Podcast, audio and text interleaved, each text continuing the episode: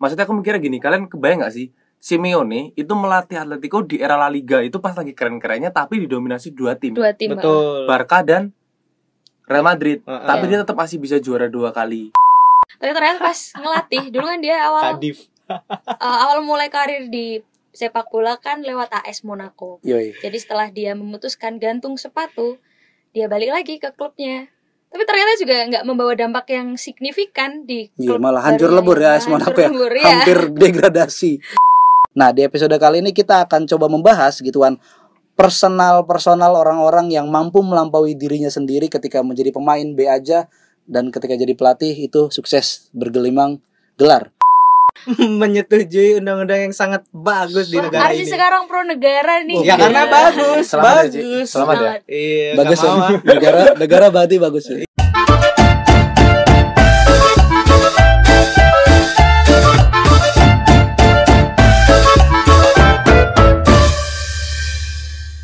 Bismillah ya. Bismillah. Amin. Oke, dengan ini Oragol episode ke-16 dibuka secara resmi. ASMR goblok. Capek ini jangan gutak-gutak gusrak-gusrik. Yuk, selamat datang kembali di podcast Oragol episode ke-16 masih konsisten seminggu sekali membahas apa saja yang terjadi di lapangan maupun di luar sepak bola. Eh, kalau di luar sepak bola berarti kita bahas tema lain sepak bola ya? Enggak, di dalam dan luar lapangan sepak bola seperti itu ya. betul Di kesempatan kali ini karena lagi international break dan liga-liga domestik pun akan kembali mulai pada tanggal 20 21 sih. 21 ya. Iya, Iya. maksudnya mereka mulai nyepak ke apa koper dan balik ke base camp klubnya masing-masing tanggal 20. Dan international break dan sepertinya sangat minim sekali informasi yang berhasil didapatkan. Marilah kita bersama-sama membahas apa yang terjadi akhir-akhir ini. Apa tuh? Soal kegaduhan yang terjadi di lini masa. Ada pro dan kontra antara Archie dan versus everybody. Coy. Arti versus everybody. ya. Oke, tapi sebelumnya ya kita kenalin dulu ya karena squad kita nih yang awalnya cuma bertiga, bertiga, bertiga sekarang sudah fix kayaknya akan berempat kecuali ada salah satu yang absen gitu ya. Akan berempat. Jadi squad resmi kita adalah empat orang gitu. Pun kalau absen satu juga masih ganjil kan. Ya, nggak ada konteksnya apa itu ganjil. Anda memberi konteks dong. Oke, masih ada saya Ikhlas Alfarisi selaku host dan redaktur Oragol dan Pikiran People Archie Arfian. Halo, aku redaktur Orago loh. Ye. Yo, Oragol adalah medium ya. Dan juga ada Tuh anak gawang. yo ada admin yang bikin tweet tapi tidak ada sinyal, ada Afif. Selamat malam. Halo. Selamat malam dan Iya, eh ada sebelum sebelum nyebutin Rehan ya, Hmm? kok di sini emang nggak ada sinyal ya, Des? Iya, Cuk. Ya, Sewon memang begitu. Tidak diberkahi oleh sinyal, tapi kita didorong untuk membaca buku, apalagi di Oh, radio. iya, betul. Oh, iya, betul. biar radikal. Iya, Biar- radio biar buku radikal. ya. Oke, oke, oke. Kan kita udah scroll scroll scroll call di luar Sewon kan. Iya, iya. Kalau udah ke Sewon, matikan banget. sinyalmu, mari membaca bersamaku. Deh. Ada Rehan Majid, selamat malam. halo lads Gimana nih hari-hari kalian nih? Cerita-cerita lah. Saya kan di antara berempat ini kan hidup saya yang paling flat gitu kan. Eh, Saya kan- sebenarnya kita hidupnya juga flat Flat juga. juga. Cuman nggak ketemu aja. Iya. Eh, Gimana, gimana? Dimulai dari mana nih bridging untuk ngomongin pro kontra tadi nih? Jadi kan pada suatu hari ya. siap. Take the lead. Take the Lalu eh, jam 7 pagi yang biasanya hari cerah. Oh, Marah-marah di grup tiba-tiba. Oh, belum, maksudnya hari cerah. Hari cerah kita biasanya enak pagi-pagi dengerin Spotify pas saat berangkat kerja gitu kan. apa biasa lagunya Ci? biasanya biar orang Biasanya- semakin Mes. maksudnya. Hindia. Eh, enggak, enggak, enggak, enggak, enggak, enggak, enggak. Aku aku lebih ke ini rumah sakit. gini kali. kan. Rumah sakit Oh, rumah sakit. yang albumnya Timeless Oke. Oke. Hmm, kayak oke. gitu. Ya, iya, iya. Ya kan tiba-tiba hujan coy. Jam Hmm. 7 udah hujan padahal aku berangkatnya jam setengah. Lagu-lagu pun lebih ke. Sarjito gitu, betes dah. Rumah sakit kan. nggak cerita Janet gitu nggak? Siloam. Enggak dong. PKU. Enggak dong. Lalu tiba-tiba aku membaca sebuah berita ketik karena aku kan reporter ya Oke. di sebuah media online kayak gitu aku ngeliat berita. Wow. Permendikbud 30 ternyata udah diresmikan gitu. Aku seneng dong di hari yang sangat sangat aku nggak menyenangkan gitu loh Iya, iya. hujan pagi-pagi aku seneng gitu. Hmm. Namun ternyata ada polemik di situ. Tetap kayak RUU PKS kayak gitu. Diperdebatkan masalah Bentar-bentar, soal- itu ponimu ganggu coba gini. Iya, gitu. Iya. Eh, kayak kayak Ariel di video klip at- katakan dengan indah ya. lanjut atau mengganggu kau atau rambut yang mengganggu. Iya enggak, lanjut. Lalu tiba-tiba itu sebuah ormas yang terbesar di Jogja yang katanya itu intelek ya orangnya ya. Terbesar di Indonesia, di Di Jogja. Jogja. Ya di Jogja dia besar gitu daripada di tempatku Batu kan. Iya kan? Apalagi di Kupang ya kan. Nggak tahu Kupang deh. Kenapa Lu Kupang? dia, dia ngomong Kupang Nah, tanggung iya kan. jawab lu. Apalagi yang di luar pulau sana. Apalagi di tempatku karena basisnya NU. Di Lombok itu Muhammadiyah gede loh. Eh tapi di Kupang juga gede sih. Lah ya makanya lu. Muhammadiyah. Kemarin aku tahu KKN di sana. Udah, lanjut, lanjut. Nah, lanjut lanjut. Lalu kemudian itu mereka kontra dengan Permendikbud 30 karena ada diksi persetujuan. Yang lalu tiba-tiba nalar mereka Tanpa persetujuan. persetujuan, Iya, iya, itu tanpa persetujuan. eh, secara tapi mereka mengutipnya itu apa kata persetujuan itu gitu. Oke, Lalu tiba-tiba nalar mereka itu mengarah ke seks bebas. Oke, oke. oke. Dan itu tak habis pikir aku melihatnya. Nah, Ada apa? Apa yang ingin Anda sampaikan berupa apa penolakan itu? Ya aku cuma pingin tahu aja orang-orang intelek di Muhammadiyah ini Oke. itu tuh cara mikirnya gimana Oke. dengan kalimat atau kata persetujuan itu tiba-tiba nalarnya ke seks bebas itu loh Oke, oke, oke. itu itu aku langsung mantik dua grup kan itu salah satunya grup oragul kan yang ngomong Ngapain ya? Iya. ya padahal itu grup sepak bola Tahu nggak? Eh, eh, kalian sadar nggak sih pas dimasukin ke grup oragol kan bukan cuman kita berempat doang kan? iya iya aku juga pas ketika ngecer itu pas udah agak-agak Itu kan malu iya. sadar oh ya ada kan- orang-orang ini yang kita nggak tahu Ada ya nggak tahu ya itu dibilang jamaah atau simpatisan. Ke- Soalnya dulu ya dia yang Senior, mulai senior. ora Senior senior, ya. lah. Senior, senior senior oragol ya. iya gelombang pertama Gelombang Gelombang pertama yang yang masih trial gitu ya. Hmm, kita gelombang kedua Iya. dan, dan juga masih trial Hmm, Sebenarnya kayaknya mereka juga pengen nimbrung cuman Iya, ya, tapi- saya sungkan. gitu. Eh, nggak relate mungkin ya sama ngomongan itu kita masih jam itu. kerja, Cok. Iya, karena aku jengkel banget di jam kerja itu. Ya enak itu bahasanya bisa gue buat berita. Kita bingung. Bikin kita nggak mood ya. iya anjing apa sih Arci? Iya iya iya iya. Aku kan Iya dari kum apa dari kumparan pandangan Jogja kan ngelihat omongan dari Pak Sayuti itu Muhammad Sayuti kalau nggak salah itu itu presenta, representatif dari Muhammadiyah Jogja dia Mm-mm. mengatakan bahwa ketika ya kami Muhammadiyah itu setuju dengan penolak atau penghapusan kekerasan seksual di area kampus. Tetapi ada diksi persetujuan itu yang kami tolak Oke. karena nanti mengarahnya ke seks bebas. Nah, aku tuh penasaran aja dengan olah pikir kenapa kok dari persetujuan itu kok dia bisa mikirnya seks bebas itu loh. Mungkin dalam konteks regulasi ini mereka hipster punya metode lain. Iya apa gitu loh. Ya nggak tahu. Apa? metode lain. Punya 70 lebih ya perguruan tinggi di Indonesia. Jadi berhak lah untuk ngomong kayak gitu dan Punya sal- kelas. satu po- salah satu poinnya juga ini bakal mengurangi otonomi kampus jadi wah ya betul juga gitu kalau ada Loh, nanti gini sebenarnya peraturan itu akan benar-benar di kampus tapi nanti kampus akan mengolahnya lagi turunannya bisa ada eh, turunannya ya di masing-masing sendiri Iya. eh, eh, jadi itu cuman ibaratnya yang atap tapi nanti Hmm. untuk kampus-kampus sendiri sebenarnya bisa di kontekskan dengan Ah. kampusnya itu kenapa ditolak sama Muhammadiyah yang katanya orang-orang intelek itu loh. ya Kalau sama PKS mah emang orang-orangnya sana kayak gitu Hmm. gitu loh. Enggak kalau kata gue mah ya ada ada beberapa keanehan gitu kalau yang saya lihat gitu kan. Saya tuh agak bingung juga melihat keramaian ini gitu karena pertama kenapa PKS tidak mendukung PKS gitu kan. ya penghapusan kekerasan seksual nggak didukung oleh Partai Keadilan Sosial gitu ya kan. Kenapa lu? Berarti nggak adil ya? nggak adil lu sejak dalam pikiran lu, eh, sejak dalam kelamin. Udah berat berat berat. Terus MU juga nolak gitu. Mm-mm. oleh Gunar Suyuti. Gimana nih?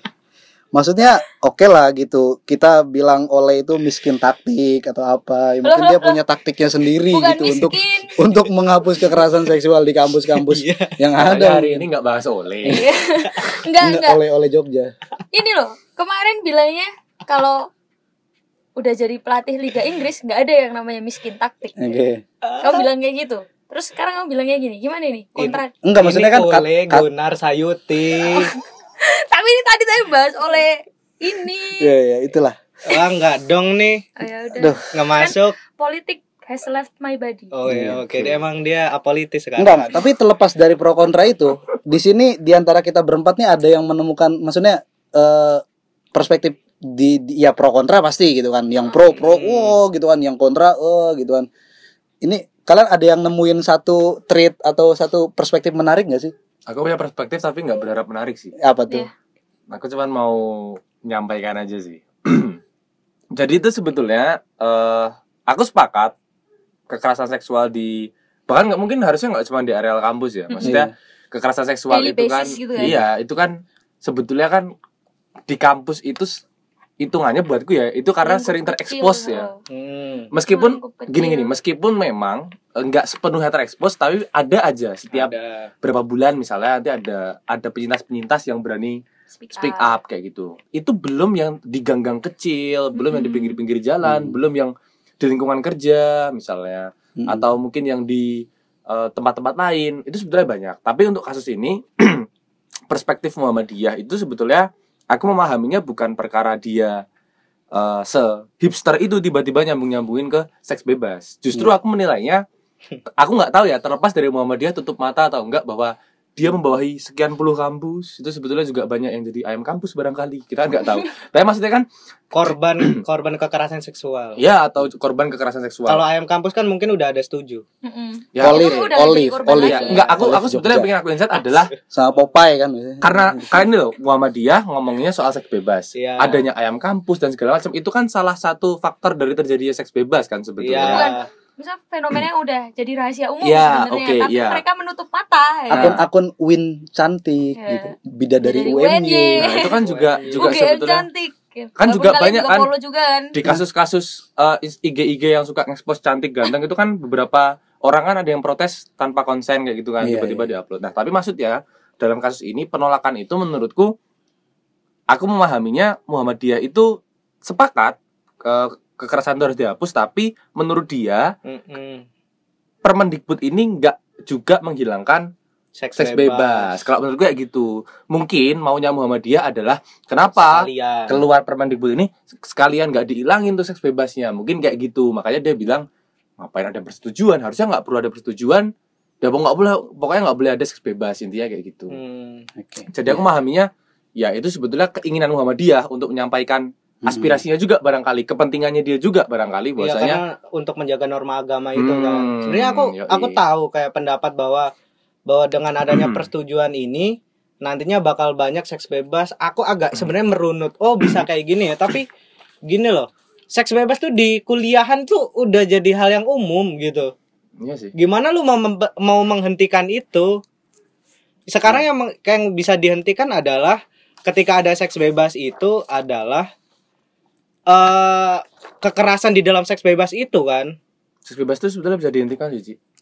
kalau tanggal kiamat di spill Lalu seminggu sebelumnya kita udah taubat duluan gitu ya. Astagfirullah. dirilis Intinya hal-hal yang perzinaan itu kan nggak boleh terjadi kan. Gitu. Cuman cuman apa pertanyaanku adalah ini nih bakal terimplementasikan secara komprehensif nggak maksudnya ke perguruan tinggi kan banyak jenisnya ya. Iya. Nah sementara yang di- didatangkan di mata Najwa itu kan Iya kemarin gimana kampus-kampus mayor kan ITB, contoh ya ITB. UI, UGM UGM, ya? yellow jacket gitu ya B- keren ya BEM BSI nggak ikut. Oh berarti enggak enggak yang yang dari representatif kampus Muhammadiyah nggak ikut kemarin tuh. Ya itu juga nggak diajak. gitu. Nah, Heeh. Terus ya nggak tahu ya apa budgetnya kurang apa gimana nggak tahu aku. atau emang kam- apa namanya dari BEM. yayasan Muhammadiyah jangan mau jangan mau nanti gitu. Stay Nggak tahu Al. Rahma. Iya seuzon aku. Stay Al Rahma Unjani gitu. gitu. Alma Ata Alma Alta, ya jadi gimana teman-teman teman-teman teman-teman BEM Alma Ata pandangannya kuliah kuliah karyawan tuh kayak yang malam kampus Iya. apa enggak enggak semua kampus bagus ya Hah? tergantung Iya. persennya semua kampus bagus cuman kan aku ngomongin banyak jenisnya Iya. kampus kan nggak semuanya Iya, itu kita membayangkan perguruan tinggi itu seperti ITB, ya kan? ITB. UI, UII. UII, tidak semuanya. Karena kadang-kadang ada API IMDI, ya Iya. kan? Unjenai. Unjenai. UNY. UNY. UNY udah se- segolongan kali ya. YSU, Cok. Eh, yes itu salah. Oh iya udah lah, Iya. kata aja Ya itu udah. salah. Kan Yogyakarta is not a state. Duduh. sorry, sorry. Yang state kan university ya. Jadi university State University of Yogyakarta harusnya. Oh. Ikip bau-bau. Belum jadi UNB loh dia tuh, belum Iya. belum jadi UNB. Maksudnya, Jadi, maksudnya kan Permendikbud itu untuk semua instansi perguruan Hmm. tinggi yang di bawah Kemendikbud. kalau di kalau kalau terjadi ke depannya terjadi perdebatan, wah ini yang diurus adalah ke kasus yang terjadi di kampus, tidak di diklat bisa. atau atau di diklat organ ekstra gitu. itu kan Ya sudah kan tidak beda lagi masuk tuh. nah itu dia STI tidak di Binjai gitu ya. tidak di STI Binjai gimana ya di diundang nggak ya? PPMI gitu kan. tidak tidak terjadi di sana wah kami tidak satgas di luar jangkauan kami gitu Nah, masih nah, mak- makanya gimana tuh makanya Permendikbud 30 ini tuh menjadi jalan Mm-mm. agar RUU PKS. RUU PKS sah gitu menurutku. Iya, Nanti iya, RUU iya. PKS tuh bisa mempayungi semua. Oke. Walaupun Nah, emang ini kan udah lingkup kecil aja. ah, Iya, kampus dulu Kampus gitu. dulu. Yang Sebenarnya, kelihatan. ah, ah. ya instansi pendidikan itu pada akhirnya bisa men bisa apa ya menyediakan ruang yang aman gitu kan bagi Ah, semua ah. pihak kan Oke oke oke oke. eh, penyintas pelecehan seksual ini pada kenyataannya nggak Hmm. cuma perempuan kan walaupun mayoritas Mm-mm. Mm-mm. itu terjadi pada perempuan Mm-mm. Berarti ini rekomendasi menjadi turunan aturan dalam setiap anggaran dasarnya UKM. Bisa jadi. Oh, Nanti bisa jadi. Bagus kan gue? Iya, Bagus kan bisa gue? jadi. Yoi. Jadi kalau pas musasi, yoi. interupsi pimpinan sidang, saya ingin menambahkan satu pasal Betul. terbaru, gitu kan? Iya. Betul, Gitu betul. kan? Bagus kan? Makanya. Bagus UKM Nanti apa? jadi percontohan kan Eh. dari pendidikan namanya pendidikan kan. Iya, bisa iya. percontohan ke yang lebih kecil komunitas di Mm-mm. luar kampus bisa contoh Iya, iya, gitu. Iya, iya, iya. Jadi- Bagus, bagus, bagus, bagus. Sikap yang bagus loh. Ini Hmm, bagus. pertama kali menyetujui undang-undang yang sangat bagus di Wah, negara Arsi ini. sekarang pro negara nih Ya karena bagus, Selamat ya, bagus. Selamat ya. Iya, bagus ya. negara negara berarti bagus ya. Iya, aku orang ya kalau misal Berarti dibilang gini, Perlu ada negara ya, Ci ya, untuk iya untuk sekarang aturan tuh perlu, Des. Oh, iya. aturan perlu Karena orang itu lahan masih parkir Eh, karena gini loh, ada kemarin juga perdebatan gini, oh orang-orang yang pro RUU PKS atau Permendikbud ini orang liberal nih gitu, yang nggak tahu agama gitu. Oke, gue liberal udah nggak apa-apa daripada gue yang agama tapi munafik banget gitu loh. Arsi nanti Gitu. tahun depan jadi staff staff sus menteri pendidikan Yang liberal. kan 2024 kan kocok ulang. oh, iya. Kocak ulang. Jadi wajah-wajah baru kan bakal Iya. muncul. salah satunya Arsi gitu kan Iya. The next Pak Wahyudi. Lanjut lanjut ah, lanjut ah. Lanjut ya. Lanjut ya. Saya selalu pelan-pelan sekali nih Iya, pelan banget loh. Waduh, oh, ramai sekali ya. Iya ramai kayak Kalau misalnya dikulik-kulik sebenarnya banyak hal yang bisa kita maksudnya motif apa tergantung motif kita juga. Kalau kita pengen belajar, kalau kita pengen tahu lebih dalam argumennya baik yang pro atau kontra, sekarang tuh adalah saat-saat yang enak untuk berselancar sebanyak apa sejauh mungkin gitu loh di di dalam apa namanya dalam Lini trending masa. itu lin- lini masa Ah. itu. Cuman ya walaupun sejauh apa pun kita berselancar di apa namanya di tema itu tidak mungkin membuat kita lupa ya terhadap update-update yang ada di dunia sepak bola. iya karena Iya. podcast Oragol. Karena pakai olahraga. Karena kan ora ora yang Ora lain. politik, Iya. Bukan orang politik ini orang gue Oralitik. Oh bagus ya. Bikin ris oralitik. semuanya Ah, udah aku list loh ora smash. Iya, ora smash. Ad- ora bowling. Ora bali. ora bowling. Oralitik. Bagus oral kan ngomong litik ya. Ya, ada update apa nih? International break. Waduh, saya dengar Vietnam gagal total ya untuk mer- meraih asa mimpi tampil di Piala Dunia pertama kali. Vietnam sementara juru kunci ya. Juru kunci. Juru kunci. Ya, dekat-dekat sama almarhum Mbak Marijan berarti ya. Ya, Sobirwal Azim Faris. Ya maksudnya satu ini ya. wah ini jokes yang Juru kunci kan katanya. Oh iya. Juru kunci. Atau Tebo, Tebo. Apa itu? Juru kunci Binale. Wah. Apa tuh Jadi untuk Angkat untuk loh. untuk international break ya sebetulnya eh, hasilnya ya seperti kita duga ya banyak tim-tim besar yang yang menang tapi juga banyak yang sebetulnya kalah enggak, cuman terganjal langkahnya. Terganjal. Kayak Italia, Italia. ternyata di, saat dia main di home justru dia imbang lawan Swiss. Swiss. Swiss It- juga golnya oh. bagus banget kan? Dan itu gol pertama dalam 11 tahun ngelawan Italia. Swiss. Wah, kenapa seneng banget kan Swiss tuh? Dan itu memberikan apa namanya asa untuk Swiss sebetulnya Iya, dan dua kan. dan juga membuat langkah Italia sedikit tersendat Iya, kayak gitu betul. menuju Qatar gitu. Iya, di sisi yang lain Portugal yang sudah memuncaki grup juga imbang ternyata lawan Irlandia. Mm-mm. Bahkan akhirnya di match itu yang yang booming bukan hasil ya tapi ada seorang pitch invader anak-anak meluk Ronaldo dan dikasih jersinya. Plus Iya. PP kartu merah seperti biasanya. Seperti biasanya. Iya, Satpol PP. Terus ini sebelum ini ini kan ada yang isu apa ya? Eh, jadi Ronaldo mau tanding kan setelah lawan Manchester City. Jadi setelah itu nggak ada di starting line up-nya Portugal nggak ada pemain Manchester City yang main kan? Oh ya Bernardo Iya kan? Silva nggak main Iya betul. kan? Ah. Iya iya iya. Nggak ada yang main. Tapi Yota tetap main. Ya kan Liverpool. Iya. Liverpool. Padahal ya tetap padahal 5-0 lebih Ini parah. isunya Ya. kenapa tuh? Isunya kenapa tuh? nggak tahu Sih. itu rame rame di Twitter aja nggak ada Ah. isu apa apa cuma Kayaknya kayak apa ya Cocokologi ya cocokologi Hmm. atau kayaknya emang Ronaldo udah jadi pelatihnya Portugal gitu. barangkali. Jadi dia yang menentukan, Menentukan. punya Menentukan punya hak veto untuk menentukan starting line up ya. Nike City gitu. aduh Musuh males aku. banget tau Males aku. Terus Inggris menang 5-0 Al- Al- Albania yang sebetulnya di match itu eh, Harry Kane hat-trick ya? Harry Kane hat-trick dan Oke. Maguire nyekor. Kerennya itu eh apa kapten dari tim gede eh ayam sayur gede gak sih? Tottenham gede gak sih? Maksudnya kapten dari Big Six itu ngegolin. Ya. eh Tottenham Big. Six loh Big Six kan tahun kemarin. Satunya siapa lagi sih? Enggak. Henderson. Oh Henderson. ya, Lego ya. lah. Kamu Vi, aku saranin dari sekarang menganggap bahwa apa Tottenham dari sekarang tuh dianggap sebagai rival beneran. Gitu-gitu dia mampu ke Iya apa sih. nembus Liga Champion loh. Pencapaiannya sama kan kayak Arsenal Iya. kan. Nembus nembus kecuali final ya nembus final Liga Champion dan trofi ya ya. Audi Cup, Audi Cup. enggak enggak. Sebagai tim teras Eropa. Ya. tim teras Eropa Tottenham Eh. sama lah kayak Arsenal kan mampu menyampai ke final bukan, bukan tim klub besar unggulan tapi eh klub besar tapi bukan klub teras. Arsenal juga klub besar tapi bukan klub teras. Oh gitu. Iya. Yuk lanjut. Lanjut ah 5 tahun juga teras. Yuk, lanjut, Terus mungkin lagi? terakhir yang mau aku highlight terlepas dari banyak match, salah satunya mungkin yang tidak mengherankan adalah Jerman. 9-0 lawan Liechtenstein. Iya, iya. Hmm. Dan di laga itu sebelum match berlangsung ada penghormatan untuk Joachim Low. Pelatih yang membawa Jerman juara Piala Dunia 2014. kenapa dia? Ya atas servisnya terhadap nationnya gitulah. Dia Oh. dihadirkan ke lapangan, dapat standing ovation, terus mungkin dia ada sedikit speech Lama ya? kayak gitu. Ya, Joachim Low ya ya Maksudnya buat apa? Kan dia masih hidup. Bukan masalah masih bosan Cok.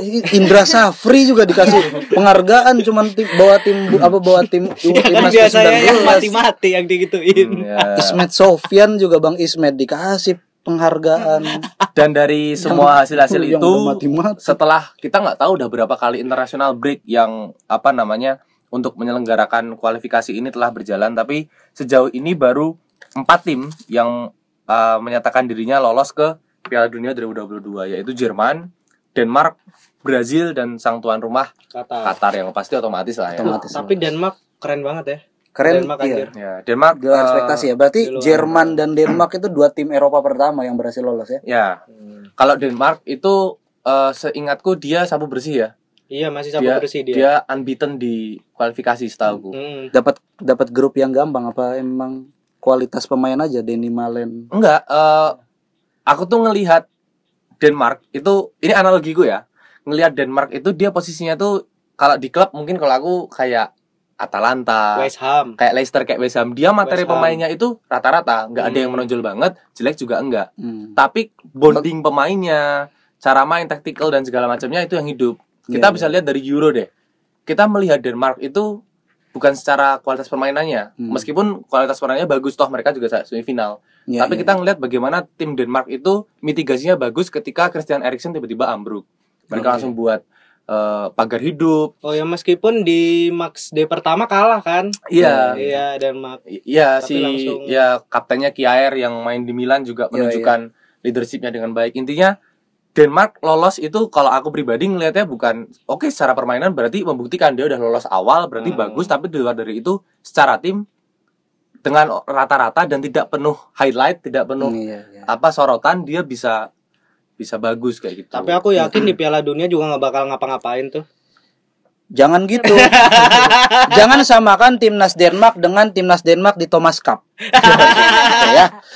Tapi ya berbeda jauh dengan Brazil ya. Brazil juga lolos tapi ya dia kayaknya juga dipenuhi sama pemain-pemain yang lagi menjanjikan juga. Nah, kalau ini. di CONMEBOL tuh yang udah lolos pasti itu dua, Brasil sama Argentina. Dan di posisi 3 sampai 9 itu masih perebutan karena kan apa namanya yang lolos langsung kan Hmm. empat empat empat posisi teratas. Oke. Lalu yang posisi kelima itu playoff Iya iya iya iya. kayak gitu.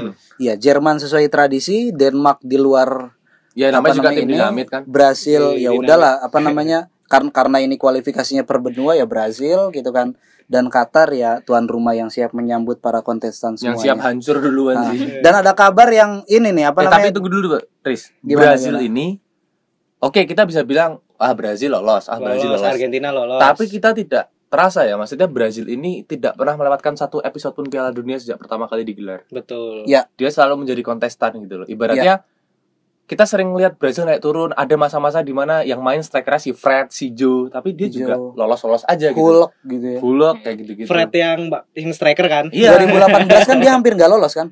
Iya, backnya Joao Miranda gitu-gitu. Jawa Viran. Tapi maksudnya itu membuktikan bahwasanya Brazil ini emang nggak pernah kehabisan talent gitu. Dia selalu punya Ya karena sepak bola ya kalau kata punya DNA Piala Dunia. ya, kalau kata apa namanya? Aku pernah dengar wawancaranya duta besar Brasil untuk Indonesia kan dia bisa ngomong bahasa Indonesia logat Latin kan.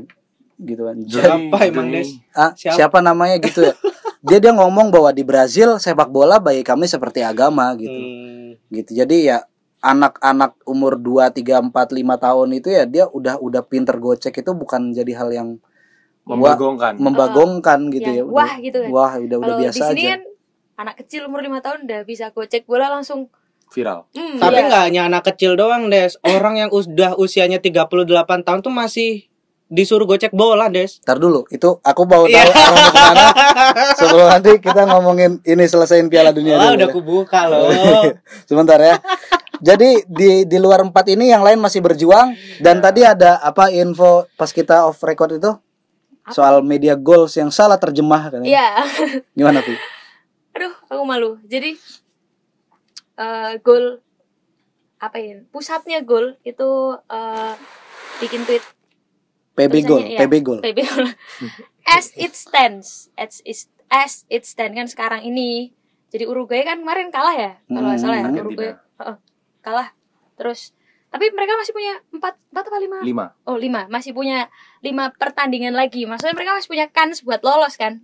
Mm-mm. walaupun kita juga nggak tahu nanti akhirnya gimana Eh ya mereka eh, gol pusat itu maksudnya dengan kondisi yang sekarang ini niatnya mau ngomong dengan kondisi yang sekarang ini Uruguay itu Tidak eh, lolos. tidak lolos tapi kan kondisi sekarang ini padahal mereka masih punya empat Kualifikasi kesempatan. belum berakhir ya. ya, Kualifikasi belum kualifikasinya belum berakhir. tapi diterjemahkan secara mentah oleh Warta- franchise-nya Hmm. gol di Indonesia. Jadi apa ya? Jadi maksudnya mereka mereka menerjemahkan dengan Uruguay saat ini udah nggak punya kans Untuk lolos. buat lolos gitu. Iya, iya. Tapi kayaknya kan emang memang emang kayak terjemahnya sama sih. Karena ada ada Iya. terma saat Wah. ininya kan. Ini kalau misal di dikaji dari dari sudut translasi, karena kalau di translasi Secara ada singkat. prosedur ya. Secara singkat gimana? Secara prosedur. Sebenarnya kalau secara prosedur eh, nggak ada yang bisa disalahkan. Iya kan? Ya, ada prosedurnya. Kayak gitu tuh ada prosedurnya. Kalau nggak salah, kalau pakai frameworknya Newmark yang babak translasi dunia, eh, mungkin eh, maksudnya adalah eh, apa ya namanya literal translation. Jadi, Langsung diterjemahkan. langsung diterjemahkan, Ah, tapi nggak meaning equivalent. Nah, yang Oke. tapi nggak sesuai maknanya. eh, eh, Iya, lah, iya. yang dipermasalahan di sini kan meaning equivalentnya. Hmm. Oke, oke, oke. Berarti eh, secara objektif Uruguay sebetulnya masih punya kans. Masih, masih Sebag- banget lah. Tapi Lima- untuk saat lima ini tapi karena saat ini- kekalahan dari Argentina itu bisa menutup kans Mm-mm. itu Ah. gitu. Tapi secara objektif sebetulnya dia masih Bisa. punya kans. masih punya kan Bisa walaupun kita bermain. juga nggak tahu Hmm. pada akhirnya akan Lolos lolos atau enggak. Ya, seperti yang aku bilang kan di urutan 3 sampai 9 Sa- CONMEBOL ya, berarti masih di-. Tapi untuk Ya. media sebesar itu harusnya take down sih. Ya. Enggak lah, biar kayak MU, biar Oh, iya. viral. ya Senggol. Iya. Ya, sebagaimana tim-tim yang lain di luar empat tim yang itu di penting ya yang penting tuh angka, Angka, engagement sebagaimana tim-tim ya selain Uruguay di luar empat tim yang disebutkan udah pasti lolos tadi ya mereka belum tentu lolos tapi masih punya kans untuk lolos. Ah, ah. Sebagaimana Aziz masih punya kans. Sah, waduh lanjut. anjing Lanjut. apaan Ini Ada update. Lempar aja dulu ya, Ya, kan. apa-apa. Ya, emang susah gitu daripada ke ini kan Iya, jadi beban. makanya aku tadi udah nge-bridging ke Dani Alves Ya ada ngambil. pemain 38 tahun yang dikembalikan ke tempat bukan tempat asalnya sih ya. Iya, iya ke tempat asalnya RB di apa? Enggak enggak. Di posisi Maksudnya itu. ke tempat asal dalam artian kampung halaman ya bukan gitu kan. Tapi dia di di balik kembali apa tapi sebagai simbol back terbaik di Iya. klub tersebut ya memang bantas di, di disematkan ke dirinya gitu kan. Ada pemain ada pelatih baru yang dianggap sebagai alumni yang datang Eh, dengan setengah sukarela gitu kan. Iya. Tapi nalangin dulu kayak seperti episode kemarin dan salah satu manuver pertamanya untuk menyelamatkan tim ini dari keterpurukan adalah mendatangkan pemain gaek 38 tahun. karibnya Teman karibnya yang Eh. pernah treble dua kali eh dia sekali. lima kali treble dua kali ya Treble sekali lah. Iya, eh iya. dua kali, dua, kali. kali coy Dua kali Satu 2011 sama 2015. Ada Dani Alves si bapak-bapak Brazil itu udah bapak-bapak kan ya udah balik ke ini Dia posisinya sekarang free agent kan? Free Kemarin, agent. Kemarin. setelah main nggak impresif di Sao Paulo ya usianya juga udah segitu kan? Iya udah 38 tahun. Ya tapi tapi Esteban tapi Vizcarra katanya masih bagus Esteban. age is just a number. Beto Gonçalves masih bagus kecuali Eloco Gonzalez. kecuali enggak. X angka apa? Usi angka hanya adalah usia eh, apa? Eh, usia kebalik ya karena aku literally angka. translate kan aku. Usia hanyalah angka. Iya usia hanyalah angka itu hanya untuk Cristiano Ronaldo selebihnya nggak ada. Walaupun- Christian Gonzalez kalau juga yang dong. kalah Enggak. tuh suka nendang-nendang selain bola gitu ya? iya makanya gitu. Zlatan Ibrahimovic, iya sama Zlatan. Dua itu dia dua sama iya tuh dua dua aja itulah. Gigi Buffon. aku eh enggak enggak itu udah. Aku tapi ngomongin Dani Alves ya aku tuh bingung kenapa kok harus jadi pemain. Maksudnya, sebagai ya didatangkan sebagai iya pemain? kenapa nggak sebagai analisis coach. Gitu atau sebagai badut coach. Kan dia lucu kan? Orangnya Iya, kan iya. lucu. Komedi dia Ya, tuh. Kita nggak tahu. Enggak. aku aku buat ngisi intermezzo kan latihan tuh nggak boleh sepaneng gitu. Ah. iya aku jadi menjaga biar mentalnya tuh stable pemain-pemainnya Iya. mentalnya stable. Dari berita yang aku ikutin sih ya Safi mendatangkan itu bu- bukan sama sekali bukan untuk taktik ya. Karena ya buat orang yang cerdas. Maksudnya aku anggap dia cerdas gitu kan. Ya Ya. salah satu gelandang terbaik di dunia mendatangkan dia untuk taktik kan ya apaan gitu kan ini apaan Iya, nih gitu kan kok dan dan memang ternyata murni untuk menghangatkan ruang ganti Oh, Oke, berarti ya di Iya, situasi di dibayar situ- untuk badut dong, untuk ngebadut dong. Mungkin berarti gitu kan. dong. Jadi kayak misalkan lagi satu sama apa permainan Barcelona tiki taka doang tapi tidak menghasilkan shot on target gitu kan. pas di ruang ganti half time half time Dani tiktokan satu jokes dong gitu. Iya. betul. Aku aku kira kayak gitu loh. Betul betul. Dani gitu. Ada Ayo kawan-kawan. ice breaking ice breaking, Eh, ice breaking. breaking gitu. Oh, Ayo apa ya? kawan-kawan, kita ini. goal gitu. Atau tiba-tiba dia naik di atas lemari gitu kan. gitu. Jeng jeng jeng jeng gitu kan. Langsung nyetel lagunya Yurima gitu kan. Teng teng teng teng. Masa satu gol aja nggak bisa? Ayo teman-teman gitu kan. yuk bisa yuk bisa Yuk bisa yuk. gitu. Dia nyemangatin Gitu ya. seri apa Des kan. Des, nama bukan Des. Masa nggak bisa Des? Ya, kayak gitu betul. anjing Des tau kan kau yang Des gol gitu loh. Saya kan Alves Face gitu. Eh, Tidak ada konteksnya lanjut saja. apa ada update apa lagi nih selain ada pemain or, pemain tua yang balik ke Barcelona? Lalu juga aturan-aturan yang dibawa sama Safi tuh kan keren juga ya. Oke, iya iya. iya. kayak kayak 11 rules itu ya? Eh, berapa Iya? 10 Eh, 10 ya? 10 Iya. dan wah bener-bener kayak bener-bener Dasa Dharma. Iya Dasa Dasa Dharma. Dasa Dharma. Barcelona. Dan kayak kemarin tuh Barcelona itu Iya. satu Dasa Dharma Barcelona, Taci Paparera Hidibesu. Waduh. Bagus kan nanti itu apa Javi, Gavi, ada Nico Gonzalez, dia paling hafal tuh karena berhasil berhasil ini apa berhasil apa naik dari Barca B ke Barca Senior. Taci Papa tadi.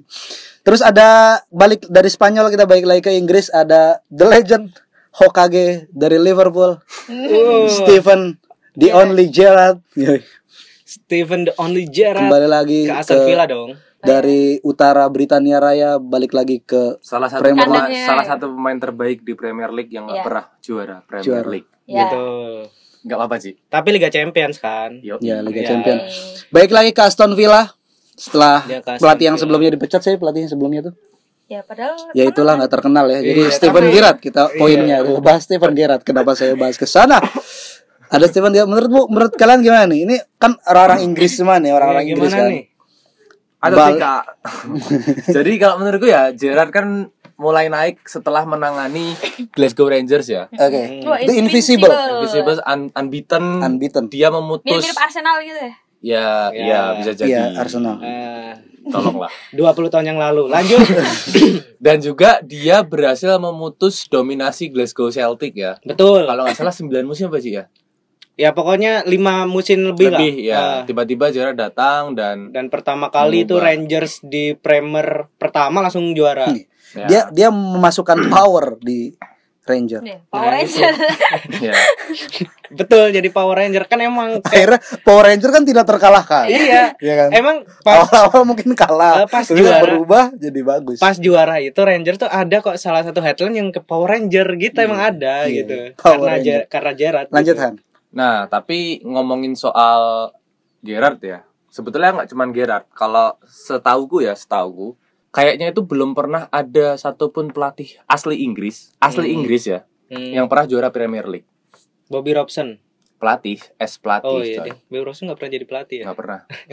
Jadi mungkin kalau kita berdasarkan kutukan itu barangkali ya, mungkin Gerrard eh, sebagai salah satu orang Inggris bakal mengalami kesulitan yang sama. Tapi satu hal yang pasti membandingkan Scottish Premier League dengan English Premier League itu jelas dua hal yang Oh, Beda, jauh. Jauh banget, Ya, kayak itu gitu. nomor satu kalau Premier League nomor satu Scottish nomor 14 ya itu dari dari apa urutan liga aja udah jauh. liga jauh. Dan juga tensi, highlight. Tim. Kalau aku menilainya ya di Premier League itu kadang kala yang membuat berat ya sebetulnya nggak cuma di Premier League ya di banyak negara di lima liga top Eropa bahkan sulit yang menjadi pelatih apalagi tim Big Six lah kayak gitu itu spotlight dari media kayak gitu loh tekanan Ya. pers itu apalagi tahu kan reset pers Inggris kayak gimana Daily Mail. Manchester Evening News dan segala macam The Sun Sun, Ya. The Sun. itu kan ganggu di banget sun sun pipi. Sun Gokong. Makanya Gerard, aku rasa kita nggak berhak juga bilang dia bakal gagal, Hmm. tapi bilang dia bakal sukses dengan Aston Villa, Nggak aku rasa juga. Juga eh, nggak Eh, nggak nggak muluk-muluk nggak ya. itu terlalu muluk-muluk Oh, kalau terlalu kita muluk. iya. Tapi Pep, Pep Guardiola aja perlu waktu buat beradaptasi dengan Yes. Liga Inggris loh. Mm. Mere- maksudnya dengan apa ya? Oh, kita nggak usah meragukan meragukan kemampuan Pep Guardiola pas sama Barca ya. Mm-mm. Itu udah yang wah luar biasa udah kayak robot yang kamu bilang itu. Ya Eh. nggak nggak tahu. Ya Bayern Ya kan- Munchen yang kayak robot. Kalau aku mungkin Oh, iya. dulu Kan Barca tuh setelah Ba- kan Pep kan setelah Barca ke Bayern Munchen udah langsung juara. Mm-mm. Tapi kalau pas ke- langsung ke City kan dia nunggu Adaptasi, nunggu adaptasi. Adaptasi berapa dulu, tahun iya. dua atau satu tahun tuh, ya Hmm. kan? ya lanjut lanjut. Baru setelah itu juara, Iya. Itu udah diwakilin Archie. iya kan? Lanjut. Lalu aku tapi juga ngelihat Gerrard ini kayak kayak ini aja sih potensial. Iya. potensial iya. Ya bakal bakal jadi hal yang mengejutkan. Maksudnya kita kan apa dunia ini kan progresif ya. Maksudnya Hmm. progres berjalan ke ke arah roh absolut kalau kata Hegel jauh sekali. Maksudnya itu tuh ditandai dengan semakin banyaknya penemuan-penemuan atau rekor-rekor terbaru atau pencapaian-pencapaian manusia Ya, generasi yang terbaru itu melampaui generasi sebelumnya. Harus. Nah, ketika belum ada pelatih asli Inggris yang berhasil menjuarai Premier League satupun gitu kan. Iya. Nah, Gerrard ini Hmm. ketika dia berhasil menjuarai Premier League gitu kan. Nantinya, Nantinya itu bakal jadi suatu yang wow. Luar biasa. wiu gitu kan. Hmm. Jadi wow, ada Pun menang- pun dia juga punya modal. Kayak misal dia modalnya adalah langsung dia juara di Scottish. Oke. Modal Dan- kepercayaan diri. Nah, iya, modal kepercayaan diri Moralitas. dan CV-nya ada gitu loh. Eh, ya. Porto- Portofolionya Iya, bagus. Portofolionya bagus daripada Lampard gitu. Ya, ya. Lampard daripada Wayne Rooney. Iya, iya. Wayne Rooney belum kan? Belum. Belum. Iya kan? Maksudnya Lampard Derby County nggak lolos ke Premier League kan? Walaupun dia nyaris lolos udah dipanggil ke Chelsea Hmm. Nah. gitu. Dan Ya. di Chelsea nggak jadi apa maksudnya busuk juga gitu ternyata. Hmm. nggak bisa nguasai ruang ganti. Tapi gitu. Lampard sekarang di mana ya?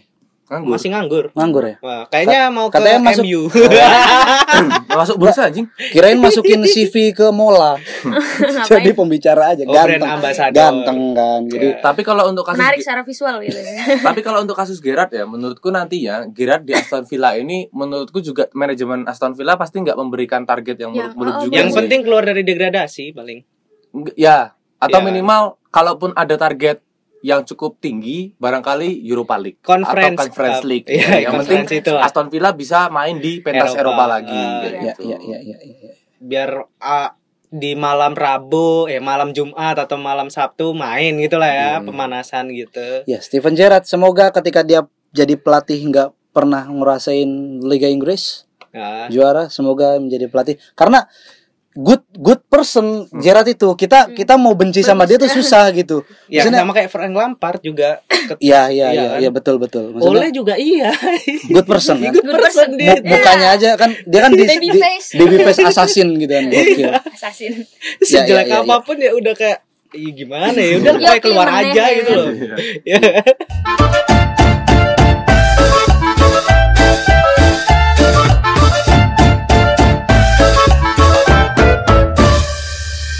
Ya. Oke, sepak bola adalah suatu kehidupan ya. Jadi eh, kultur, eh, sejarah, rekor itu selalu ada berjalan di apa berjalan mewarnai Beriringan, ber- enggak berjalan beriringan berarti beda orang dong. Oh, iya. Enggak ini. Ini Satu satuan yang utuh. sepak bola ibarat lapangan, rekor, semuanya itu yang mewarnai lapangan itu gitu kan. Mewarnai lapangan pernak-perniknya gitu kan. Dan salah satu pernak-pernik yang ada adalah kehadiran satu generasi dan generasi lain yang selalu melampaui sel- sel- sel- selalu melampaui gitu kan. Jadi mungkin nggak tahu ya, pemain bola ini emang udah punya doktrin ataupun prinsip anak segala bangsa apa gimana nih yang yang dia harus harus mampu melampaui zaman gitu kan. Nah, ketika dia udah apa namanya punya mindset melampaui zaman, dia dia akan apa mencapai prestasi-prestasi yang tentu melampaui bukan Benar, hanya generasinya tapi melampaui dirinya sendiri. Nah, di episode kali ini kita akan coba membahas gitu kan personal-personal orang-orang yang mampu melampaui dirinya sendiri ketika menjadi pemain B aja dan ketika jadi pelatih itu sukses bergelimang gelar. Dan juga sebaliknya gitu kan, dia Hmm. sebagai pemain dianggap legenda seumur hidup, dipuja-puja, bahkan sebagai Tuhan gitu kan. Tapi ketika menjadi pelatih sepak bola, dia tidak mampu berbicara banyak gitu kan. Dan di kategori selanjutnya juga ada pemain yang kayaknya sepak bola itu udah kayak privilege dia Ya. gitu, udah kayak ketika dia melibatkan dirinya dalam sepak bola entah apa pun posisinya, ya kayak prestasi itu Berhasil aja, berhasil aja gitu, nggak pernah ini. Gampang-gampang aja hidupnya. Iya. Itu yang bakal kita bahas dan kita masuk ke kategori pertama dulu nih. Ada eh, pelatih yang sekarang dianggap sebagai pelatih yang tersohor, pelatih yang yang menjadi penyelamat gitu kan bagi timnya bahkan meraih gelar. Tapi ketika dilihat flashbacknya dia Severe. siapa gitu? Ini orang dari mana gitu? Bukan nggak punya raport sebagai pemain sepak bola yang bagus-bagus amat nih. Yang pertama ada Jurgen Klopp. Oke. Ada Jurgen Klopp, pelatih asal Jerman Mm-mm. yang pas main dulu juga di Borussia Dortmund ya. Makanya Oh, kita nih ya, enggak. Oh, enggak enggak di Borussia Dortmund Di dia. Mainz ya. di Di Mainz, Mainz. di Mainz. Dan dia ya. jadi back. Back dengan nomor punggung 4. Hmm, ram- rambutnya tuh kayak rambut-rambut Westlife gitu kan dulu kan. Aku aku pernah Iya semua orang kayaknya gitu Iya, juga zaman, di zaman itu ya. Iya ada ada kayak ada kayak apa namanya rambut Brian Iya, iya, iya. langsung Beckham Nicky, Beckham ya. waktu waktu apa debut gitu. Iya ya. kan kayak Brian kan brand vokalis utamanya Westlife itu. Iya iya iya kayak gitu. Kan? Ya nggak terlalu impresif impresif amat gitu kan sebagai pemain sepak Enggak, bola. Nah, enggak. ya maksudnya dia nggak dapat gelar gitu. di kan. apa namanya kan di liga ketiga Jerman kan, Mainz ketika itu. Hmm, Tapi ketika dia menjadi pelatih, ya awal-awal mungkin ya punya portofolio yang tidak menjanjikan. Tapi ketika semenjak dia menangani Borussia Dortmund di tengah puasa gelarnya, Iya, dia berhasil mampu, menaikkan derajat Borussia Dortmund. ya. Dominasi. Sehingga Tapi, eh, apa laga yang disebut Der Klassiker ini menjadi kembali seru gitu, Seru. menjadi kembali panas. Tapi sebelum itu tuh hebatnya dia ya. Dia itu kan dari Mainz yang awalnya jadi back yang benar-benar tangguh. Dia tuh tinggi kan, 109 hampir 90 kalau nggak salah. Sama kayak Van Dijk pokoknya. Dia tuh nomor dan nomor 4 jadi sweeper di dalam skema mm, tiga tiga back di Mainz kayak gitu. Dan dia karir sepak bolanya nggak tahu hancur karena cedera atau apa ya. Tapi kayaknya cedera Karena minus kayaknya. nggak tahu deh nggak tahu deh itu karena itu mungkin usia atau apa ya. Tapi itu bisa di ini sih kalau cuma minus doang bisa di. Eh, maksudnya langsung dia main, main winning eleven. Eh, dan sepak bolanya terhenti dia jadi asisten di Mainz. Langsung dia sekalian belajar di pusat kepelatihan. Di Jerman kan bagus banget kan ya di pusat kepelatihan itu dan Iya iya. Punya punya ini ya punya Eh, semacam akademi kepelatihan eh, ya. dan dia kayak menemukan semacam benih-benih gegen pressing. Oke. Nah, sebenarnya di Mainz awalnya, Mm-mm. tapi belum belum belum ter diuji sama dia. Dan pada akhirnya dia bisa mengangkat ini dia masih jadi asisten tuh, Iya, mengangkat iya, iya. Mainz ke Liga 2 Jerman. Oke. Lalu dia diangkat jadi pelatih utama, ngangkat Mainz ke Liga 1, ke Bundesliga. ke Bundesliga kayak gitu. Itu Iya, keren iya, sih. iya. Keren keren keren. Keren dia. Kemudian dari Mainz dia ke Dortmund. Ke Dortmund. Ketika Dortmund tuh kayaknya acak adut ya, zaman-zaman itulah. Pokoknya dia menda- Sebelum kayaknya Klopp deh yang mendatangkan Marco Reus dari Ah, Borussia Mönchengladbach. Götze, lalu sama Lewandowski. Sama Lewo, Lewa, Terus ada juga Shinji Kagawa, Auba, Nuri Sahin, dia semua anjir. Aubameyang, Gundogan, Gundogan, dia semua. Mkhitaryan. Weidenfeller, Mkhitaryan. Subotic. Ah, anjir itu semua itu Itu tuh. dia Wah. nyari. Aku Tapi- jadi kayak inget Eh, karena dia akhirnya sempat membawa puncaknya adalah double winner kan. Piszczek Thomas. Lucas Piszczek, Rafael Guerrero di situ kan. Kenapa Guerrero baru gak sih? Ah, nggak tahu deh aku. Ya itulah pokoknya.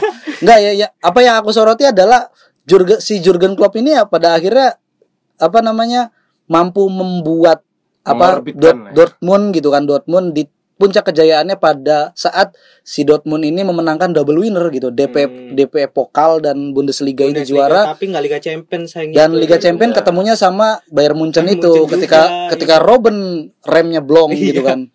Iya Robben remnya waktu itu blong di musim-musim itu tuh kayak Tapi anjir maling bola. manajemen Dortmund itu bagus dalam kayak ngelihat potensi pemainnya tapi Ah, yang ah, ah. disayangkan oleh Jurgen Klopp adalah Dortmund itu nggak ada cita-cita yang lebih Ya. dalam arti kayak pemainnya itu nggak di keep gitu loh. Iya, iya. kayak eh, Götze itu ya, Götze. atau ke Lewa, Lewa itu dijual ke Munchen. Nah, nah, itu yang nah, mau. Itu itu itu persoalan Iya. persoalan lain. Karena waktu apa waktu Dortmund itu diambang kebangkrutan Munchen nginvest. nah ya itu itu Munchen nginvest dengan ketentuan "Ah, kalau saya ingin membeli pemain potensial di dalam klub Anda mohon jangan ditolak. Iya. Kami adalah klub besar, kami yang membawa nama baik Jerman di mata liga-liga dunia gitu kan. Iya makanya kayak Dortmund itu sebagai klub apa pijakan apa loncatan gitu loh. Iya, ya iya, iya. klub nggak mau kan, makanya Ah. dia langsung pindah ke Liverpool itu. Heeh. Untung- sempat ditambah di, sempat ba- sebelum ke Liverpool tuh kasakusuk banyak ya ada yang pernah apa kasakusuknya sempat katanya mau ke Munchen Iya. mau ke Barca juga Dan tuh dia- ada gosipnya Dia anti ke- Munchen sih. ke Untuk MU juga kan itu kan lagi Luis van Gaal ya wah Klopp nih Munchen Munchen apa MU MU Klopp nih gitu kan Tapi kalau waktu itu ternyata nggak Klopp gitu kan Iya. Bundesliga dua kali berturut-turut kan? Iya. Dua musim berturut-turut maksudnya. Ah, pasca ke Dortmund dia ke Liverpool dan Liverpool lagi sangat terpuruk. sedang sayah-sayahnya nih. Ah. ada Balotelli, Stewart Downing, Andy Carroll, terpuruk tapi manajemennya Joe Allen meningkat. meningkat Iya, ya. iya, Iya iya. kan? Iya. Beda sama Dortmund ketika itu. Mm, mm, mm. Dan dan apa namanya? ekspektasinya juga tinggi. Hmm. Kita harus jadi juara ini, kita bener-bener pemain boleh, gitu. bener-bener jeli ya yang akhirnya sekarang tuh meracik satu tim yang wah, anjir superior banget gitu loh bukan Iya. hanya di domestik tapi di Eropa gitu kan Dan dia nge-keep pemain loh. Cuma Wijnaldum doang yang kemarin Wijnaldum ya dalam starting line up-nya itu yang keluar loh. iya Dan iya, itu juga faktor usia Nggak, gitu loh. di- dimulai dari dari awal-awalnya gitu kan dia tuh ya nggak impresif banget gitu kan dapetin skuadnya tapi dia berhasil ngebangun sampai hari ini gitu kan Mm-mm. sampai akhirnya kita ngelihat ada trio Firmansyah itu kan Betul. Firmino Mane Salah itu kan Coutinho di apa di Keluarin. di gue banyak pro kontra wah kritik-kritik wah tapi dia masih nemuin Serdan Sakiri gitu kan untuk jadi free Divock apa, Origi. Divock Origi. Origi tertua loh, tapi di line up. dia menemukan Robertson dan loh dia line up. Trent Alexander. Trent Alexander Arnold Yang paling keren kan ya fullback itu yang ditemukan sama dia. iya itu. iya keren keren keren Dua fullback itu kan. itu ya Jurgen Klopp ya Eh. maksudnya pencapaiannya luar binasa Di jadi Lanjutan. pemain gagal, jadi pelatih oke. oke Lalu kemudian juga ada Jose Mourinho. Oke Mourinho Kalau berdasarkan transfer market ya. berdasarkan transfer market, Dila- Dilansir dari transfer market. yoi. waktu jadi pemain si Mourinho ini sebetulnya nggak impresif. oke Bahkan nggak bisa dikatakan impresif sama sekali karena dia cuman main di Liga Portugal. Oh, di domestik doang ya. main liga lokal ya lokal dia kayak Hamka Hamzah mungkin ya Iya. Hamzah. atau Karis Yulianto Eh. itu posisinya apa dulu dia posisinya midfielder kalau nggak Oh, salah midfielder. Gelandang Oh. kalau nggak salah ya Ponario Astaman ya Eh tapi Hamka Hamzah itu F for your information ya pernah loh mau direkrut sama Malaysia klub Malaysia Bapak Ponario Pamungkas kan katanya mau jadi. Derby Conti Iya. Iya. Bapak Pamungkas katanya dulu mau Nah, jadi iya Derby kan Conti masih Iya. isu iya iya Nah, Ya, tapi intinya intinya Mourinho tuh selama main di apa namanya eh, Portugal itu cuman di klub-klub gurem kayak Rio Ave, Com Industria, GDC Simbra, pokoknya ya itulah nggak pernah dengar kan? Ah, Ya, Ya, klub-klub yang kita pilih ketika kita bosen udah main PES apalagi klubnya yang- pakai kotak jadi random Kotak. tuh Iya, kotaknya itu tuh.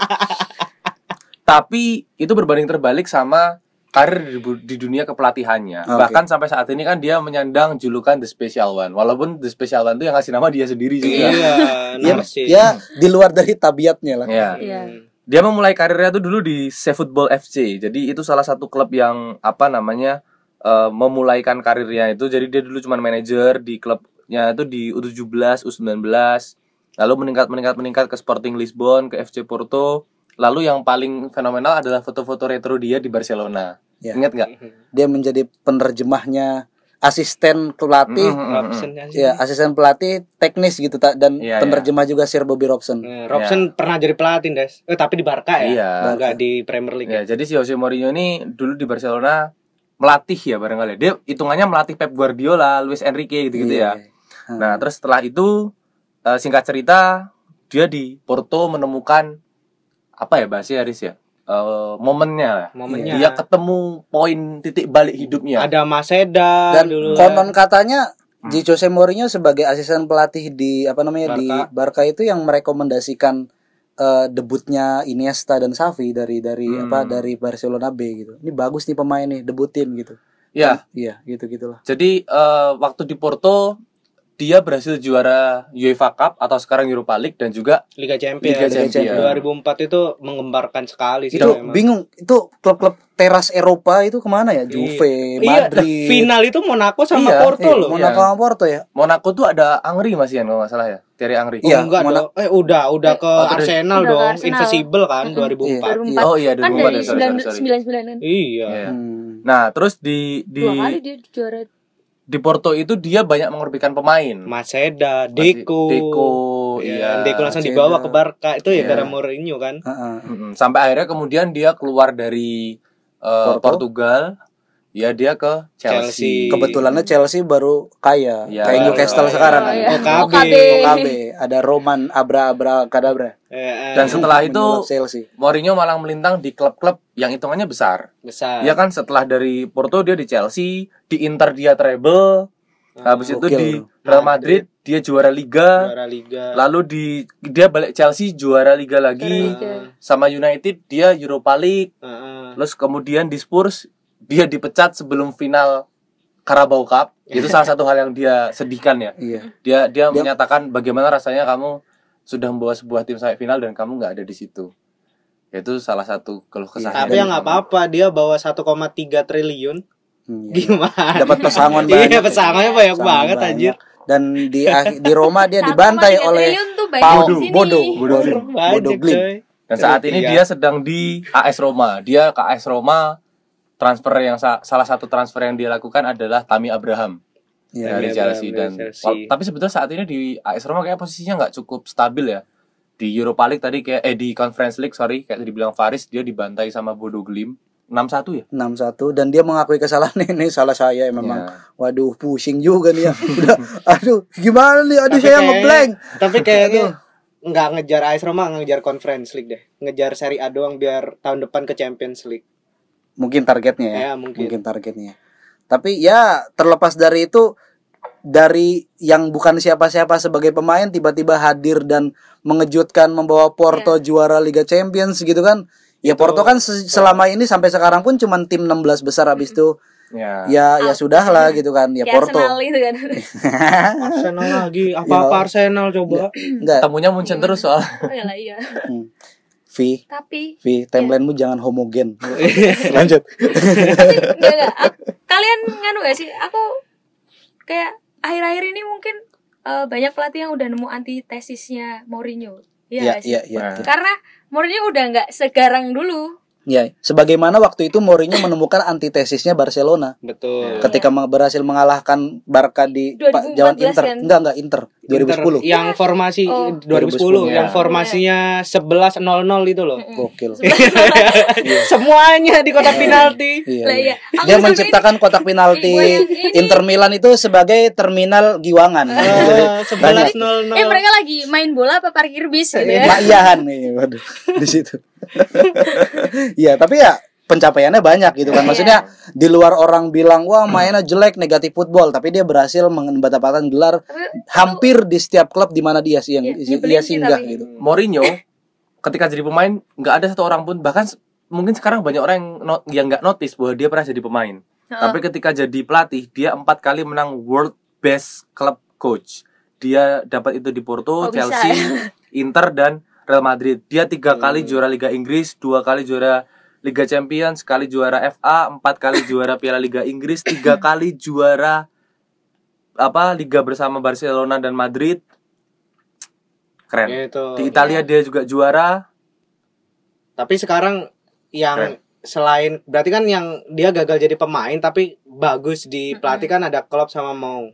Bentar. Maksudnya ukuran bagus kan yang penting juara gitu kan? Iya. Bukan ini, bukan maksudnya kayak kualitas permainan sebuah tim Enggak gitu lah. kan? Bukan, bukan, Itu bukan. nanti Ya, itu tapi- banyak perdebatan kan iya. kalau itu kan. Kualitas permainan sebuah tim Iya. 8 match perdananya oleh Bagus. Bagus, Iya. tapi nggak ada gelar juara Iya. gitu Bisa kan. diperdebatkan.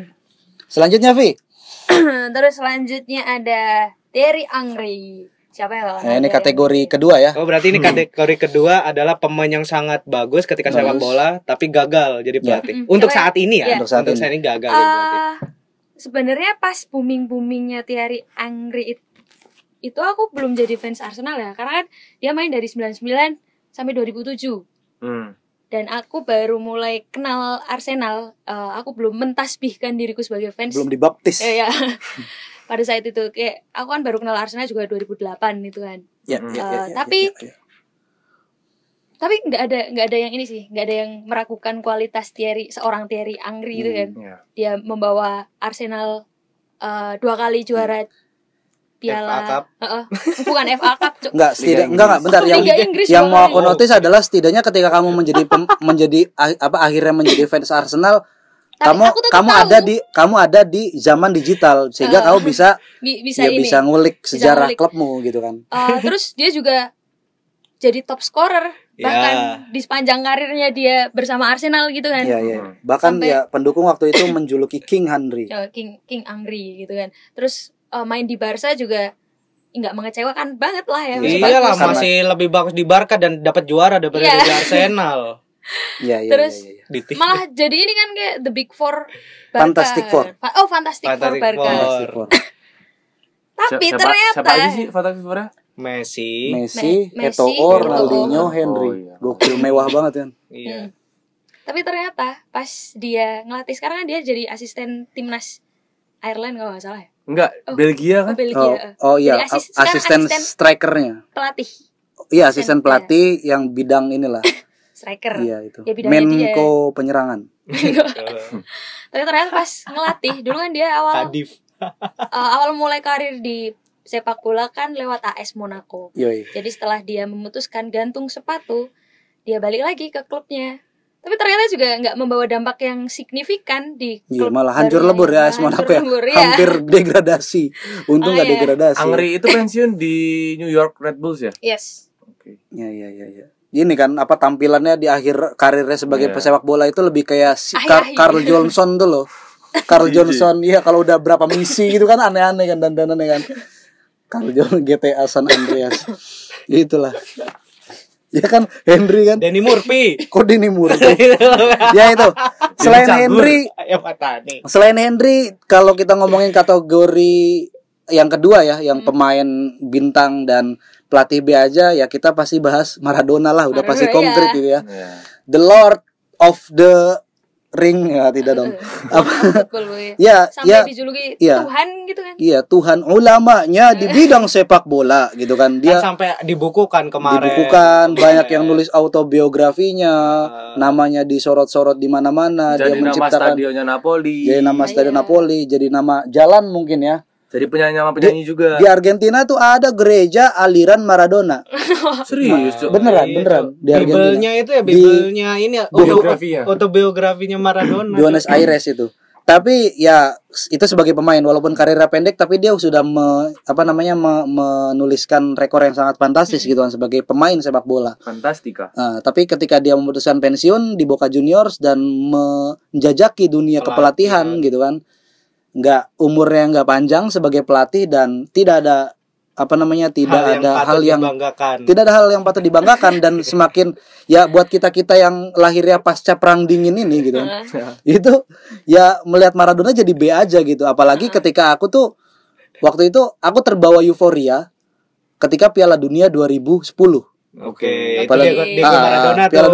2010. pelatih. awal ya aku tuh pengen dukung Belanda Iya. Pengen dukung Belanda gitu kan tapi terbawa euforia wah dilatih Maradona dan di dalamnya ada Messi Ada sang Messi. titisan Maradona dua Kat- goat ya. Ah, kalau aku dengerin diskusinya si Kang Zen sama apa Dalipin apa segala macam di 2010 tuh sebetulnya yang punya kans paling tinggi untuk menjuarai Piala Dunia itu sebenarnya Argentina secara materi Mm-mm. permain apa secara materi Taktik. taktik nggak nggak taktik kan Maradona gitu maksudnya secara ma- materi gitu itu potensial banget tapi ketika Maradona yang ditunjuk sebagai pelatih kepala di timnas Argentina dia justru ngancurin itu. justru membawa sistem men mengcopy paste sistem timnas timnasnya ketika dia menjuarai Piala Dunia 1986 gitu. Jadi intinya apa? Waktu itu taktiknya Argentina ketika juara itu ya kasih bola ke Maradona. Hmm. Nah, itu di copy paste cuman dibedain apa namanya? dibedain Orangnya objeknya aja. Dapat bin bola kasih ke Messi biar Messi yang nanti menciptakan gol tangan Tuhan. Padahal kan wah itu 2010 gitu kan. Iya. Itu 2010 kan ya. Apa namanya? kualitas atlet udah bener kanan kiri atas bawah depan belakang udah bener disorot oleh kamera dan juga udah six pack semua. iya udah sisek semua. Nah, enggak maksudnya nutrisi diukur Time gitu kan. football change. Iya, football change gitu. Nggak- tapi Maradona justru membawa kultur apa namanya? kultur ya zaman dulu gitu kan. Metode-metode zaman dulu. football. Dan kata katanya kan apa namanya nggak nggak nggak disiplin kan Mm-mm. apa timnas Argentina ketika itu dan lebih kayak dibebasin gitu loh. nggak disiplin karena nggak dikasih aturan yang Iya, sangat ketat. nggak- Tiap ada malam mereka itu. boleh keluar ke klub. Betul. karena Diego juga kayak gitu Nah, berarti Iya, klub. Terus boleh bawa pelacur ke dalam mes apa namanya ke asrama mereka gitu kan. Ya ini kan harus diatur oleh Permendikbud gitu kan. nggak boleh gitu kan. Itu Maradona yang gagal menjadi seorang pelatih. Lanjut kita wah udah udah sejam nih kita rekaman ya tapi nggak apa nih ada satu kategori lagi yang mesti kita bacakan. Ada kategori yang orang sukses, kategori orang-orang Hmm. sukses gitu. Jadi ada pemain yang sangat eh, apa namanya bagus gitu kan semangat. Nah, gua tuh terlalu banyak nyari diksi jadi ya bagus aja lah. yang gacor. Iya yang keren gitu. Keren ketika Se- dia Dan main. sebagai pelatih ya ba- bagus banget gitu. Ya. Yang pertama ada Zinedine Zidane. Wah, iya Siapa yang sih. mau meragukan Zainuddin Zidane ya Zainuddin Zidane? emang. Tapi emang dia itu Palanya sama keras ya Iya. kan. Tapi emang dia melatih ketika dapat materi pemain yang udah peaknya, ya kan?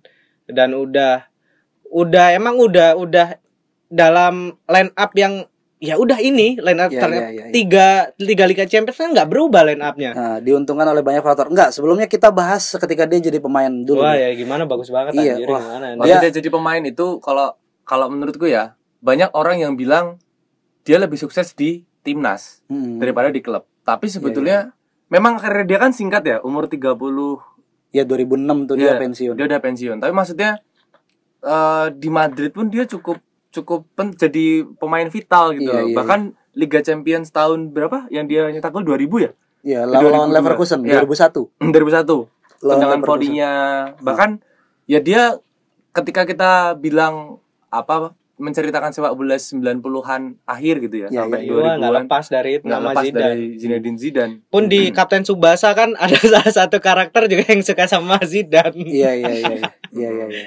Dan pada akhirnya eh Misaki yang nomor 11. Iya, Misaki. Ya. Itu itu perwujudan Zidane, Zidane dalam itu. anime. gitu kan. langsung ke Di, Juventus di Prancisnya malah ini Pi- Pierre sama Napoleon yang ngapain Iya. Napoleon main bola. Iya. ya itu ya. Zidane gitu kan. Maksudku adalah eh walaupun dia didukung oleh materi yang sedang in-innya waktu itu di Madrid, Iya. tapi untuk berhasil mempertahankan Liga Champion Tiga tiga kali. kali berturut-turut itu kan suatu yang sangat luar biasa gitu kan. Gila. Ya Iya, keren-keren. kayak Bukan misalkan pelatih. Iya bukan gitu pelatih. Maksudnya Barca ketika treble 2009 kan materinya nggak terlalu apa nggak terlalu berganti banyak kan dan masih dilatih oleh Guardiola tapi nggak bisa mempertahankan itu. Di 2011 juga itu nggak bisa gitu. Luis Enrique lewat MSN-nya ya kan nggak Hmm. bisa mempertahankan itu gitu kan. Cuman Zidane men. Wah, Ya, tapi kan sekali. yang direlakan adalah apa namanya gelar Liga Spanyol kan dia dua Hmm. kali nggak dapat untuk untuk Liga Champions. Iya, makanya aku berharap ketika ada isu Zidane ingin merapat ke MU. MU. Hati-hati ya. saya sangat tertantang untuk mengetahui kenyataan itu gitu bahwa wah keren juga nih gitu kan. Gimana MU kalau di Zidane apakah Dan Zidane materinya masih bagus kan Mm-mm, MU. mm, materinya sangat bagus gitu kan. Jangan sangat, jangan ngomong sangat tuh lebay lu Ih, bin- metafora. ih, sekarang di PES bin- PES 2021 MU bintangnya penuh men sama kayak PSG. Iya itu Iya. editan mungkin. Editan. Enggak, Tidak sesuai terkini. realita ya. Iya. Pokoknya MU Fred semuanya bagus 87 kecuali gitu. iya iya. Anjir. Maguire berapa? Miguel 92. 82. Anjing 92. Itu serius, Cuk. itu itu di rental PS Saturan kebanyakan Iya, iya. Tiba-tiba Pakai apaan? gembox. Indramayu. Iya. Patchnya dua satu trik satu. Yoi. Itu Zidane, yang kedua ada Pep. Ya, Pep ya, gitulah Pep lah. Cari sendiri di Wikipedia. DMF juga dia. DMF juga. Ada Ancelotti Ancelotti pemain Milan. dan ada Mancini juga yang baru kemarin juga juara Mm, uh, Euro. dan di gelar Italia. City pertama di Premier Ya, League. gelar City pertama Aguero. Itu kan wah, Mancini ini kalau kita lihat sebetulnya yang paling memorable sebagai pemain ya kita mungkin nggak menyaksikan masa dia iya, sebagai pemain ya. nggak nggak relate juga Tapi sebenarnya. dari banyak literasi atau dokumentasi yang bisa kita lihat dan baca ya dia terkenalnya kan di Sampdoria. betul. ya ya Ya kan Sampdoria kan. Nah, Hmm. Dan di Ilsam itu dia punya kompatriot yang sampai sekarang masih akrab sampai di staf kepelatihan Italia kan. Dia Gianluca Vialli. Iya, iya, iya. Terus bapak-bapak yang pakai kacamata tuh kalau kalian kemarin Iya. lihat Euro yang Eh, keren sendiri itu. itu. Itu kayak ini ya, kayak satgas anti mafia bola. Iya. di situ aku, apaan ya, Dok? Anjir. ya. Ya maksudnya akhirnya eh Mancini ini maksudnya mungkin kalau tadi ya Maradona gagal mengaplikasikan apa yang selama masa dia bermain ke tingkatan kepelatihan, Ya, ya, ya. ya. barangkali Mancini berhasil. Tidak Hmm. dalam sisi taktikal tapi secara bonding, experience dan segala macamnya dia bisa bisa bawa itu dari ketika dulu dia main sampai sekarang dia Mungkin dia bisa Dipelatih. mampu ma- ang- nggak copy paste tapi dia mampu mengadaptasi gitu. kan. Ya. Jadi nggak copy paste dari web langsung di Word gitu kan, tapi copy pastenya ke Notepad dulu. Betul, Iya. biar linknya hilang. Biar linknya nggak warna biru. Betul. Nah, Maradona ini warnanya biru nih. Jadi Ketahuan. ketahuan. Gitu. Wah, tidak Dasar anda, lu kopas doang anda ya. kopas Anda. Kalau- dong. Mas kalau mau kopas ke notepad dulu. Iya. Biar linknya tidak biru warnanya ya Iya. atau fontnya itu bisa sesuai gitu. Dan Begitu. ada lagi eh, ada dua pelatih nih aku langsung Ya, aja ya, ya. deh. Ah, ah, ah. Yang pertama adalah Diego Simone. Oke. Itu bagus juga ketika di saat bermain nyentrik sih sebenarnya nggak dalam arti gelar kalau pas main tuh nggak terlalu bagus tapi nyentrik jadi bagus Unik. unik dan pas jadi pelatih dia pun unik dan berkarya eh kok berkarya dapat Berkarya, berkarya. partai berkarya. PNS kali berkarya. dia bagus gitu dan yang Hmm. kedua adalah Hansi Flick Ya ya ya ya ya. dan uh, Hansi Flick itu uh, di Bayern Munchen pas dia jadi pemain tuh dia dapat juara dua kali Mm-mm. lalu pas di Bayern Munchen Mm-mm. dia langsung juara coy Ya, dia juara tanpa penonton ya. iya Kasihan. Iya sih. tapi Champions League menang DFB Pokal langsung menang Hmm. langsung Bundesliga langsung menang triple langsung itu Treble. satu tahun loh langsung dipanggil ke timnas Ya karena Bayern Munchen. iya Ya, untuk Bayern Munchen. ngantuin Tapi Iya, untuk Munchen. untuk mungkin eh, aku sedikit aja sih terakhir mungkin kalau dari aku ya. Aku punya kredit khusus buat Diego Simeone. Diego Simeone ini pelatih yang menurutku mungkin bakal ya ibaratnya dia godfather in the making gitu. Dia bakal jadi Alex Ferguson mungkin di Atletico, Atletico. tapi Iya. emang emang Iya kan? dia tuh main di Atletico, melatih Iya. di Atletico dan emang udah jadi ikonnya Iya. Atletico gitu. ya. Jadi aku barusan juga lihat transfer market udah banyak piala yang disumbangkan untuk Atletico. Maksudnya aku mikirnya gini, kalian kebayang nggak sih Simeone itu melatih Atletico di era La Liga itu pas lagi keren-kerennya tapi didominasi dua tim, dua tim Betul. Barca dan Real Madrid. Heeh. Tapi Iya. dia tetap masih bisa juara dua kali La Liga, masih bisa Hmm. juara jadi Copa penyeimbang Rey. gitu lah Iya, dia Biar masih ju- dua lebih- kali juara Europa League, dua kali juara Super apa? Super Cup. Eh, Ya ya ya ya ya. Maksudnya dia bakal jadi kayak Sir Alex Ferguson gitu. Iya. Besok Iya. di ya kalau Selain bagus sebagai pelatih, ya. Diego Simone bagus sebagai dirijen sih ya. Dia kalau- misalnya pensiun dah di ini aja di kurva gitu. Wah, wah gitu, gitu ya. Iya. Bikin sense baru. Gitu ya, sudah satu jam lebih nih, sudah berapa belas menit gini kita melebihi waktu. Tapi nggak apa-apa. Bagus sekali. Apa Afi pengen nyampein apa? nggak udah Life is getting tough yes for you. But fuck off. Buat Sakov. Oke. Tapi ya untuk callback yang tadi ya, ya kalau ada orang Muhammadiyah yang Anjing. dengar podcast ini, Ah, ya pikir-pikir lagi lah. Oke. Terima kasih atas atensinya. Wah, sumpah makasih banget sih kalau ada yang sampai mau dengerin sampai ke menit ini. Heeh. Kita traktir di Bejong gimana ya? Oh, Traktir kopi. Gepengnya. Makasih Alif Madani, makasih Garis Tengah, makasih teman-teman semuanya yang sudah mau berkawan dengan Oragola sampai jumpa di episode selanjutnya. Ciao. Ciao.